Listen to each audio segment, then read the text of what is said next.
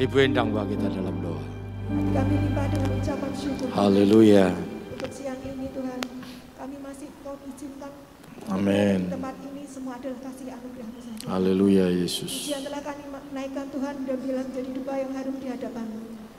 Sekarang giliran Engkau Tuhan yang akan sampaikan sedikit dari firman Tuhan. Urapi hambamu Tuhan.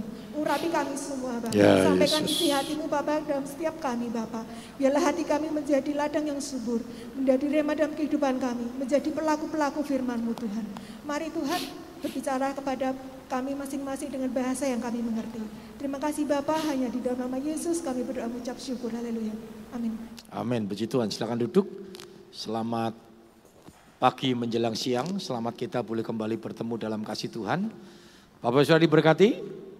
Amin. Allah kita sembah adalah Allah yang ajaib, yang luar biasa, yang boleh menolong kita semua. Puji Tuhan.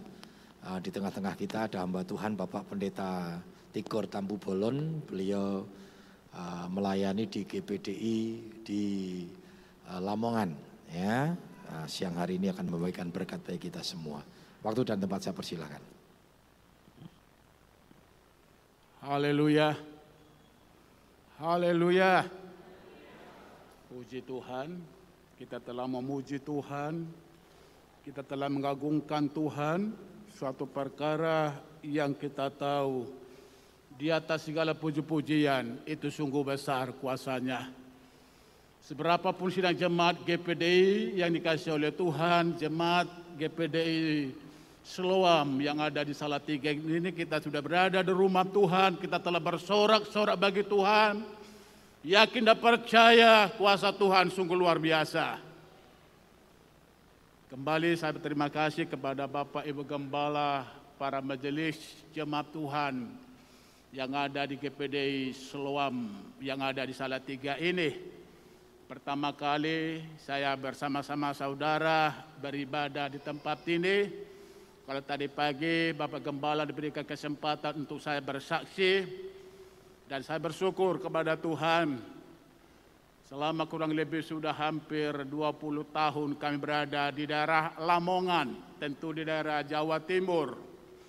Kami berada dari kota Lamongan ini kurang lebih sekitar 47 kilo, namanya desa Pelabuhan. Dan yang satu ada di desa Mantup. Dan kami bersyukur Tuhan tempatkan kami berada di desa Mantup, Kabupaten Lamongan sana. Dan sampai sekarang ini pekerjaan Tuhan berjalan sesuai dengan rencana Tuhan. Kalau tadi pagi lewat kesaksian saya, saya katakan, kalaupun boleh kami melayani pekerjaan Tuhan di daerah Kabupaten Lamongan ini, semua karena kemurahan Tuhan. Lamongan ini adalah daerah sangat sungguh, daerah sangat keras, daerah sangat sungguh penatik. Tadi pagi saya katakan 27 kecamatan di Kabupaten Lamongan. Tetapi di antara 27 kecamatan di daerah Kabupaten Lamongan cuma hanya ada 11 gereja. Dan saya tidak memamerkan merek kita gereja GPDI, gereja Pamtekosta di Lamongan ini. Tetapi gereja Pamtekosta ali uh, strip GPDI cuma hanya ada tiga tempat di Kabupaten Lamongan ini. Ketika saya masih waktu lajang, tahun 96 saya masuk di desa Mantup ini, desa Lamongan ini. Tentunya saudaraku tahu saya bukan asli orang Jawa, tentu saya adalah asli dari Sumatera Utara seperti Bapak Gembala tadi katakan saya punya marga Tampu Bolon dan saya punya nama Tigor, tentu saya sudah berkeluarga.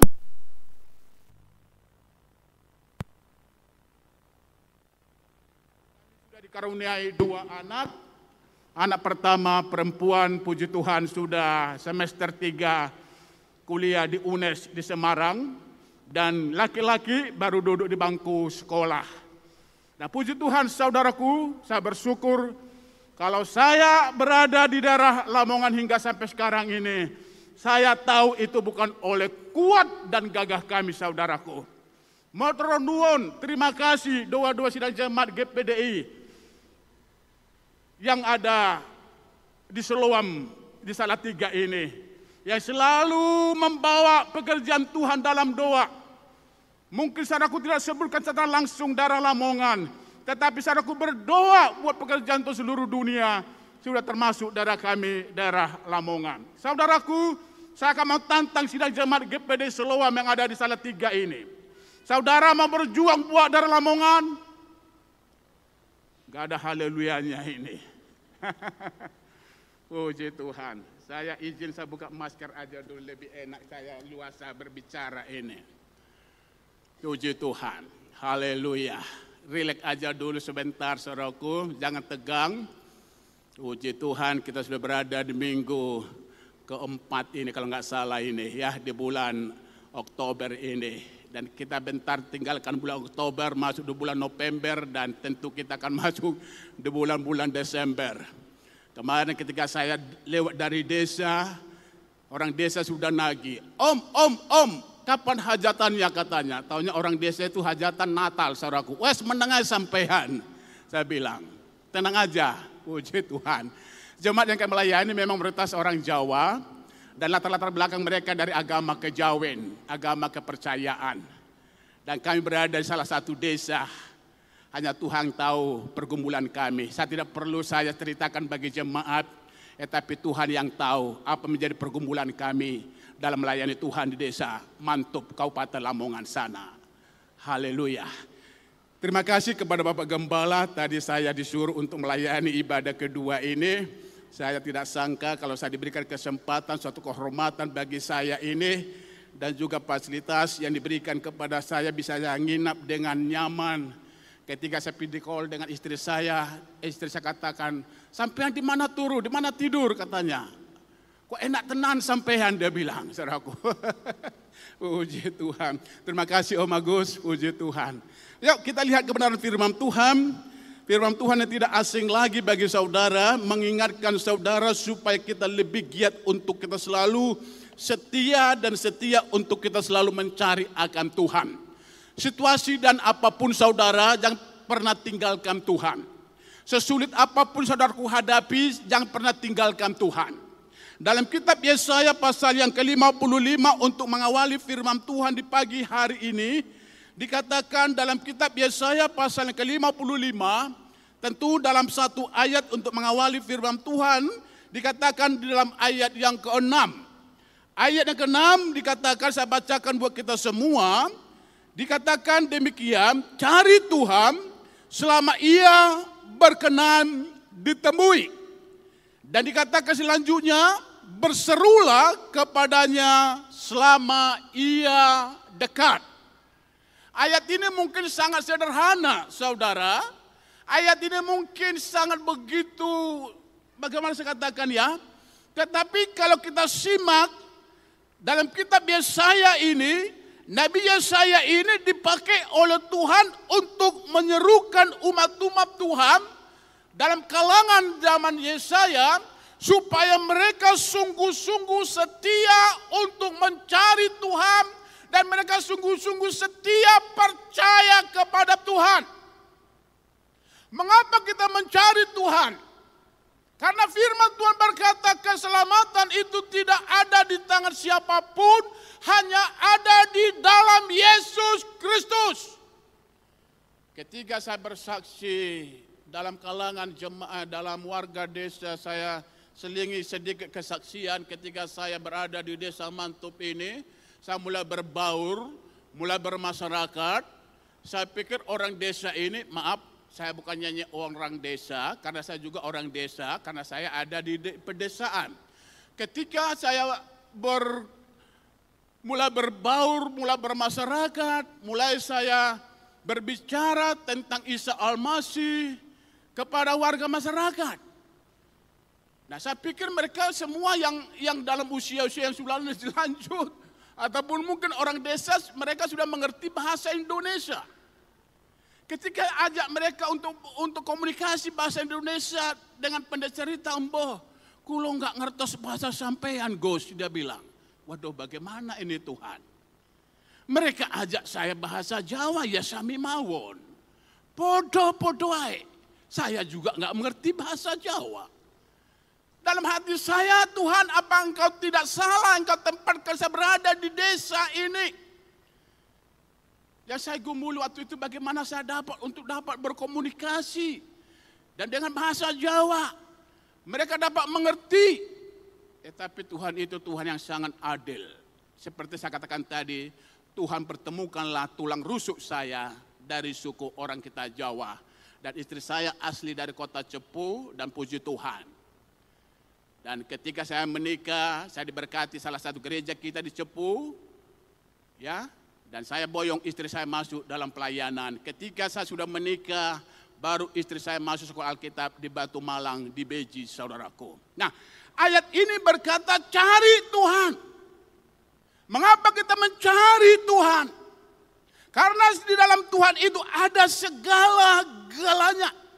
Di hari-hari terakhir ini, di akhir zaman ini, firman Tuhan mengatakan apa yang tak pernah dilihat akan terlihat akan mata dan terdengar oleh telinga, akan terlihat dan akan terdengar. Namun ayat ini berkata menyerukan kepada saudara, bukan cuma hanya di kalangan Nabi Yesaya berlaku firman Tuhan ini, termasuk juga kepada saudara sidang jemaat GPD yang dikasih oleh Tuhan di Seluam Negeri Salatiga ini. Diingatkan kepada saudara, cari Tuhan, cari Tuhan, dan dikatakan selanjutnya selama ia berkenan ditemui. Selama ia berkenan ditemui. Kita renungkan kata selama ia berkenan ditemui. Berarti ada waktu-waktu tertentu nanti kita tidak tahu kapan itu. Kita tidak bisa lagi untuk mencari Tuhan kita masih berada di zaman kemurahan, yaitu zaman roh kudus. Yesus yang telah mati, Yesus yang telah bangkit, Yesus yang telah naik ke sorga. Namun Tuhan katakan saudara dan saya tidak dibiarkan menjadi anak yatim piatu. Sehingga dia mengirimkan roh penolong itu roh kudus. Roh kudus berbicara adalah tentang kemurahan. Jadi masih diberikan hal kemurahan bagi saudara kita untuk tetap selalu mencari akan Tuhan. Dan tetap setia dalam Tuhan apa pun kondisi keberadaan saudara, sukar, ataupun mungkin dalam segala kesulitan apa pun. Tentu kita tidak tahu apa yang sudah kita hadapi di tengah-tengah dunia ini bukan cuma hanya di di, bang, di tengah-tengah bangsa negara Indonesia ini. Ya, Ketika masa Covid datang melanda Indo, eh, melanda dunia ini masa yang sukar, masa yang susah. Orang desa tidak bisa masuk ke kota, sebaliknya dari kota nggak bisa masuk ke, ke ke desa. Mau belanja tidak bisa pakai uang cash, harus pakai ini dan sedemikian rupa. Nah ini, nah adalah hal-hal inilah Tuhan katakan supaya kita tetap mencari Tuhan supaya sekalipun dengan kondisi-kondisi apa pun keberadaan kita di hari-hari ini. Kalau kita melihat kabar-kabar sekarang ini dalam masa musim hujan ini, di daerah Lumajang dari Jawa Timur sana sedang longsor. Saudaraku mau cari siapa? Ada nyanyian mengatakan cari apa di dalam dunia, cari apa di dalam dunia. Cari dunia tentu binasa, tetapi cari Yesus penuh dengan sukacita. Bukan kami katakan kami sebagai hamba Tuhan, sebagai gembala sidang. Tidak perlu untuk berusaha, tidak perlu untuk berdagang, tidak perlu untuk berbisnis, perlu. Karena kita masih hidup di dalam dunia ini. Kita perlu makan. Ketika masa Covid terjadi, anak saya yang perempuan tamat SMA. Dia anak saya katakan, "Pah, bagaimana Lisa mau lanjut, bagaimana saya katakan, do, nggak usah dulu lanjut, nggak usah dulu lanjut kuliah. Lebih baik bikin lamaran, entah kerja di Indomaret, entah di di mana. Eh, tapi anak saya ini gigi. Pah, pokoknya namanya Lisa, panggilannya Lisa. Pokoknya Lisa mau melanjutkan kuliah saya, Pak. Malah saya tawarkan lebih baik Lisa sekolah Alkitab aja. Dia bilang, mau Pak Lisa nggak mau sekolah Alkitab, dia bilang. Terus bagaimana? Akhirnya pendeta cerita dibikin pendaftarannya di Malang, dibikin pendaftarannya di, di Surabaya, rupanya ditompo di Semarang, di UNES ini, sudah semester tiga sekarang. Akhirnya saya bilang sama mertua saya cerita, kalau saya sendiri, aduh bagaimana, saya bukan mengukur kuasa Tuhan, eh, tapi saudaraku mungkin saudaraku punya pemikiran ke depan ya, di desa dengan pelayanan yang kecil, anak harus sekolah melanjutkan kuliah, kira-kira bagaimana dalam hal ini saudaraku. Akhirnya saya telepon mertua saya di Sepuh, mertua saya katakan dikasih jalan keluar, udah tahap pertama saya harus saya tangani. Dan tahap selanjutnya terserah. Ayah katakan sama anak saya, berdoa dan berdoa dan berdoa saja. Dan puji Tuhan. Dan saya katakan tetap cari Tuhan. Karena dalam kitab Injil Matius kalau nggak salah Injil Matius pasal yang ke kalau nggak salah itu berkata apa yang dikatakan oleh firman Tuhan di sana. Injil Matius pasal yang ke-6 ayat, ayat yang tidak asing lagi bagi saudara. Ayat itu mengatakan tetapi cari lebih dahulu kerajaan Allah dan apa? Dan apa saudaraku? Dan kebenarannya. Maka segala sesuatu apa dikatakan? Tuhan tambahkan atau Tuhan kurangi? Halo? Tuhan tidak pernah berkata Tuhan kurangi. Namun janji Tuhan berkata segala sesuatu cari lebih dahulu kerajaan Allah dan kebenarannya. Maka segala sesuatu Tuhan akan tambahkan. Tuhan tidak berjanji Tuhan kurangi. Namun janji Tuhan, Tuhan katakan Tuhan akan tambahkan. Nah ayat ini saudaraku yang memputasi dikatakan cari lebih dahulu kerajaan Allah dan kebenarannya. Maka segala sesuatu Tuhan akan tambah-tambahkan.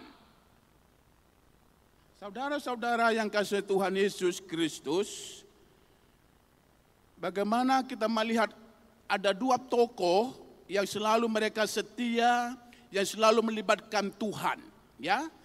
Mereka selalu melibatkan Tuhan dan mereka selalu mencari Tuhan. Dengan suatu kondisi apa pun kepada mereka, mereka selalu tetap setia dan tetap selalu mencari akan Tuhan. Saya melihat dulu dalam dua tawari. Atau bisa bisa saya dibantu untuk membaca ayat-ayatnya ini, untuk mempercepat waktu ini. Dua tawari pasal 31 ayat 21. Dua Tawari pasal yang ke-31 ayat yang ke-21. Dua Tawari pasal 31 ayat yang ke-21. Iya. Dalam setiap usaha yang dimulainya untuk pelayanannya terhadap rumah Allah iya. dan untuk pelaksanaan Taurat dan perintah Allah, ia mencari Allahnya. Semuanya dilakukannya dengan segenap hati sehingga segala usahanya berhasil. Puji Tuhan, ya.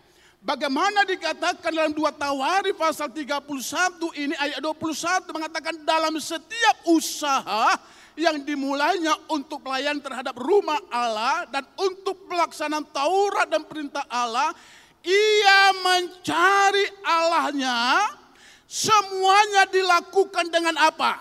Dengan apa? Dengan apa dikatakan? Dengan segenap hati, bukan dengan paksaan bukan karena terpaksa, tetapi dengan segenap hati sehingga segala usahanya apa dikatakan buat Tuhan berhasil atau tidak. Tuhan berkata maka segala usahanya berhasil. Saya tidak tahu apa kesibukan sidang jemaat GPD Selowam yang ada salah tiga ini. Tentu memang kita masih ada dalam masa sukar sekarang ini. Banyak perusahaan yang gulung tikar. Banyak karyawan-karyawan yang di PHK. Saudara, dalam ayat ini berkata tadi, setiap segala usaha dikatakan, semua dilakukannya dengan segenap hati sehingga segala usahanya Tuhan buat berhasil. Inilah contoh orang selalu mengandalkan Tuhan. Kalau tadi pagi Om Agus katakan dalam kitab Yeremia pasal 17, diberkatilah orang yang mengandalkan Tuhan. Yang menaruh harapannya kepada Tuhan. Nah, puji Tuhan. Ayat ini juga memberi memperhatikan saudara ya bahwa dikatakan saudaraku kalau kita untuk melakukan segala sesuatu jangan pernah tinggalkan Tuhan. Libatkan Tuhan. Utamakan Tuhan. Kalau saya di dalam pelayanan kami di daerah Desa Mamtup satu dan satu di desa eh, pelabuhan ini, kalau saya melihat di salah satu pos pelayanan kami ini ada sekitar sudah enam tahun kami uh, di pos pelayanan ini desa Mantup ini ada tiga keluarga tempat pelayanan kami sana. Dan kalau di desa pelabuhan ini ada sekitar 15 keluarga. Sebab itu saudaraku doakan kami supaya kami mengembangkan sayap seperti firman Tuhan mengatakan ke kanan dan ke kiri. Melihat potensi daerah Lamongan ini. Sekarang sedang pengeluasannya ke daerah Lamongan ini. Pembangunan-pembangunan perumahan-perumahan sekarang ini arahnya ke daerah Lamongan ini. Karena jarak Kabupaten Lamongan dengan dengan dengan dengan Surabaya cuma hanya 45 kilo. Jadi doakan kami dan kalaupun Tuhan masih tetap izinkan kami berada di desa pelabuhan dan desa Mamtup ini ada rencana Tuhan. Kembali saya katakan tadi, kalau mengenai pergumulan, tentu kita semua punya pergumulan. Ketika kami boleh kami katakan sedikit ketika kami waktu itu memang sangat memerlukan ya. Karena bertahun-tahun kami tidak ada alat musik berupa keyboard. Saya katakan sama jemaat berdoa berdoa berdoa berdoa dan berdoa berdoa. Dalam kitab dalam kitab Yakobus berkata doa orang benar apabila dengan doa dengan sungguh-sungguh sungguh besar kuasanya. Kalau dulu cuma hanya gitar biasa ya gitar biasa. Tetapi tidak mengurangi semangat jemaat untuk bersorak-sorak memuji Tuhan. Saya katakan salah satu cabang, eh salah satu pos PI saya katakan, kalau Tuhan telah berbuat di desa pelabuhan ini ada musik, saya katakan berdoa pasti nanti kita punya akan keyboard juga di di pos pelayanan kita di desa Mantup ini saya katakan sama jemaat. Saudaraku, tentu kita semua punya pergumulan. Apalagi juga anak saya yang di UNES ini, di Semarang ini. Saya katakan kita hanya bisa dapat berseru kepada Tuhan. Saudaraku kembali dalam firman Tuhan. Ya, bagaimana dikatakan tadi, ya, dalam dua Tawari pasal yang ke-31 ayat yang ke-20 eh 31 dan 21 eh 31 tadi ayat yang ke-21 ya kalau saya melihat dua Tawari pasal yang ke-26 dulu. Dua Tawari pasal yang ke-26 ayat yang kelima. Coba dibaca dulu. Dua Tawari pasal 26 ayat yang kelima. Ya. Ia mencari Allah selama hidup Sakaria. Ya. Yang mengajarnya supaya takut akan Allah. Ya. Dan selama ia mencari Tuhan, Allah membuat segala usahanya berhasil.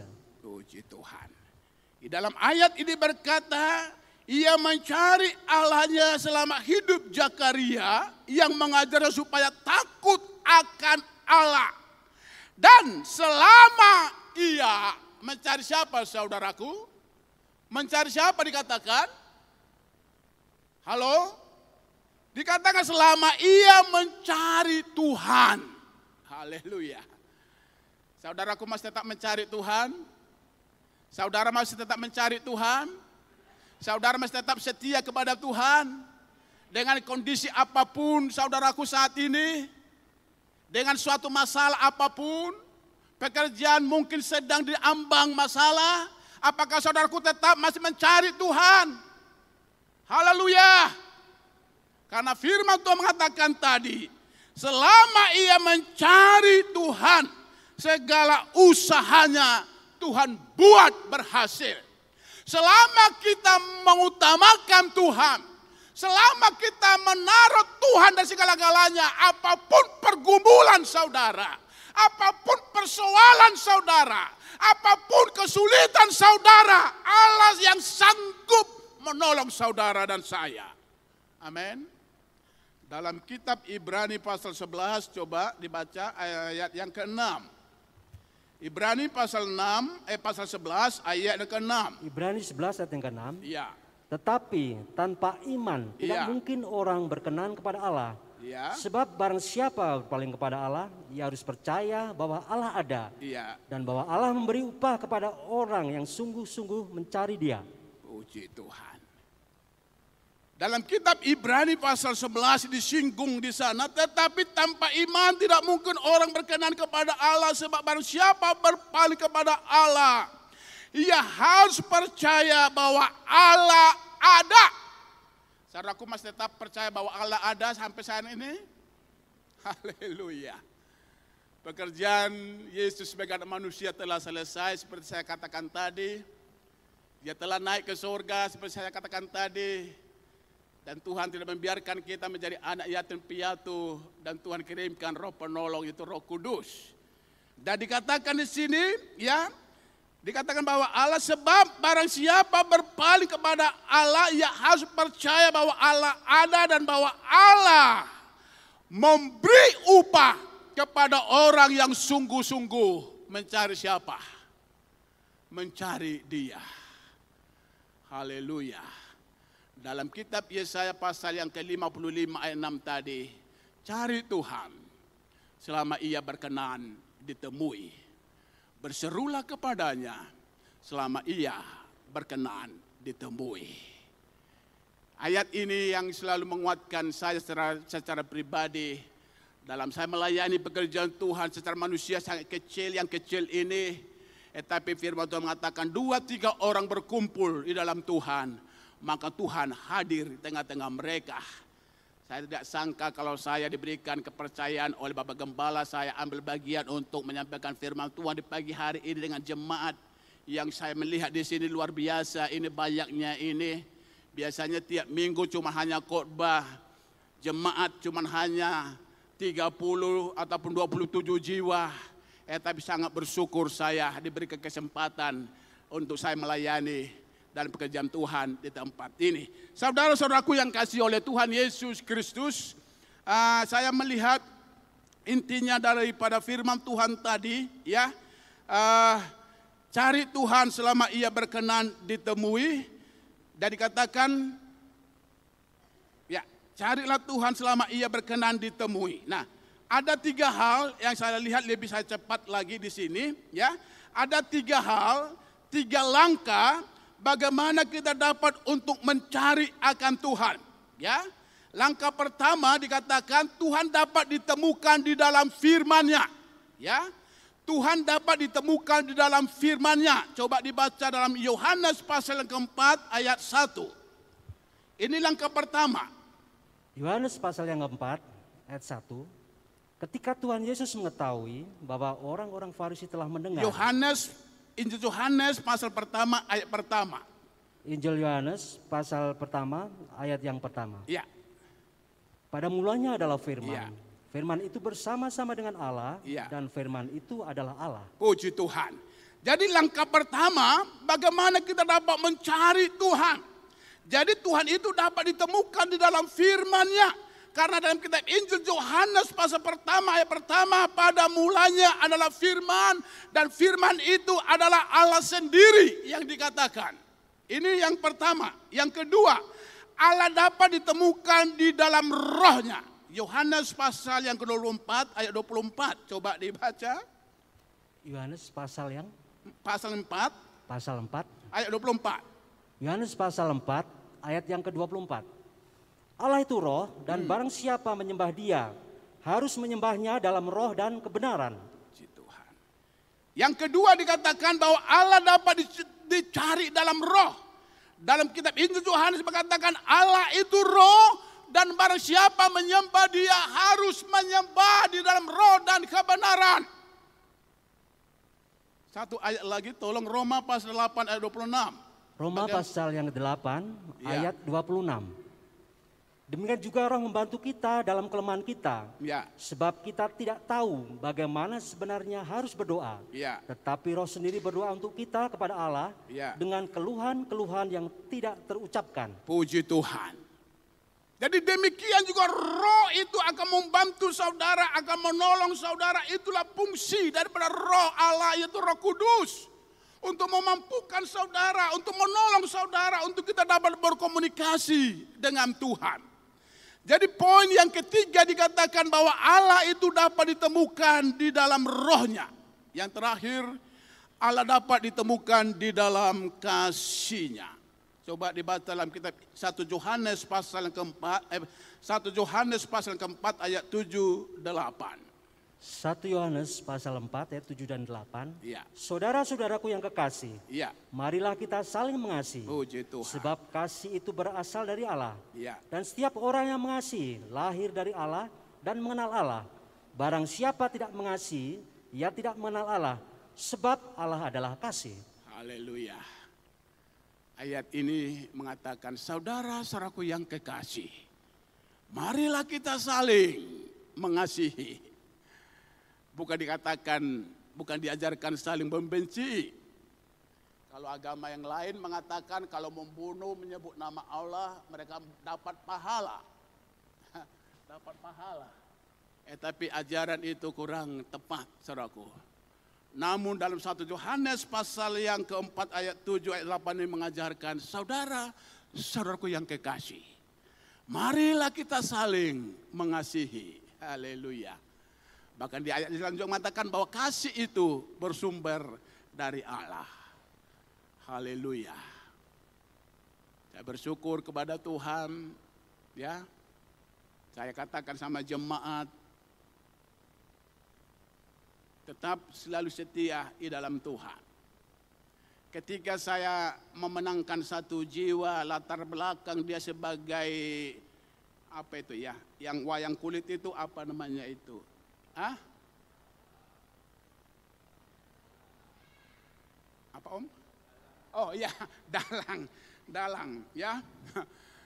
Dia sangat beratum dengan saya, dalang ini akhirnya pendek cerita akhirnya juga bisa terima Yesus karena sesuatu penyakit di tenggorokannya. Jadi ada jemaat bersaksi kepada saudaranya ini yang Pak Kasan namanya, Pak Kasan ini, dalang ini. Lah sampean gelem apa ora didoakan karo pendetoku katanya. Loh, siapa pendetamu jenenge? Dia bilang. Sebutlah nama saya. Lah kalau sampean gelem bentak ngomong no ndak sampai no karo pendetaku dan sam- eh, bisa datang ke sini bersaksi jemaat ini. Akhirnya pendeta cerita nggak tahu menau, akhirnya dalang ini Pak Kasan ini katakan, wah sebentar nopo-nopo, silahkan datang katanya. Akhirnya ketika saya datang ke sana, mulai saya ajak dia, dia berbicara, memang dia latar belakang memang dari kejawen, ya. Akhirnya saya ceritakan tentang Isa Al-Masih, tentang bagaimana mujizat-mujizat Isa Al-Masih, ya yang dilakukan orang sakit disembuhkan bahkan yang mati juga bisa dibangkitkan nggak tahu menau tetap saya percaya ketika saya bersaksi dan saya menyampaikan firman saya percaya kuasa Roh Kudus bekerja saat itu. Dan pendeta cerita akhirnya bapak ini katakan Pak Pendeta monggo bantu no aku di dalam doa.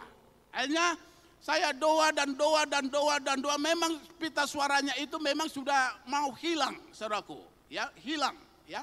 Akhirnya saya berdoa dan berdoa dan saya ajak istri saya dengan jemaat eh, jemaat ini dan kami berdoa dan nyanyi ada kuasa dalam darah Yesus, ada kuasa dalam Yesus. Saudaraku, ketika saya berdoa waktu itu memang ada sesuatu roh dalam seperti berperang. Akhirnya saya cerita kepada Mbah Kasan ini, rupanya memang ada sesuatu yang dia pegang, saudaraku. Ada ikatan batin. Saya katakan kalau sampean itu mau disembuhkan dengan Gusti Yesus, sampean harus percaya total dulu kepada Yesus dan apa yang menjadi suatu kepercayaan di luar Gusti Yesus.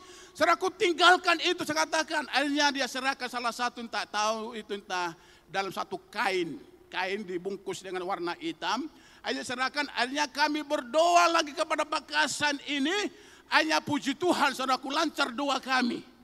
Dan menjelang beberapa hari lagi kami dengar Pak Kasan ini sudah kembali, suaranya kembali normal. bahkan kembali lagi dalang saudaraku. Dan sampai sekarang ini menjadi setia di dalam Tuhan Yesus Kristus saudaraku. Haleluya. Ya, puji Tuhan. Dan kembali dalam ayat yang mengatakan dalam kitab Yesaya ini, cari Tuhan selama ia berkenan ditemui dan berserulah kepadanya selama ia dekat. Poin pertama tadi katakan bahwa Tuhan dapat ditemukan dalam firman-Nya. Poin yang kedua, Allah dapat ditemukan di dalam rohnya. Dan poin yang ketiga, Allah dapat ditemukan di dalam kasihnya. Tuhan Yesus memberkati kita semua. Saya ajak kita bangkit semua berdiri. Kita datang ke hadirat Tuhan. Kita menyembah Tuhan. Saya tidak tahu apa menjadi pergumulan sidang jemaat GPD Seluam yang salah tiga ini.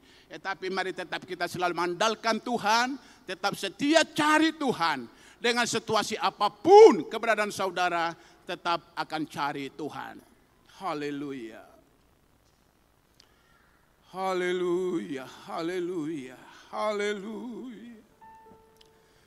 Yesus Terima kasih Tuhan.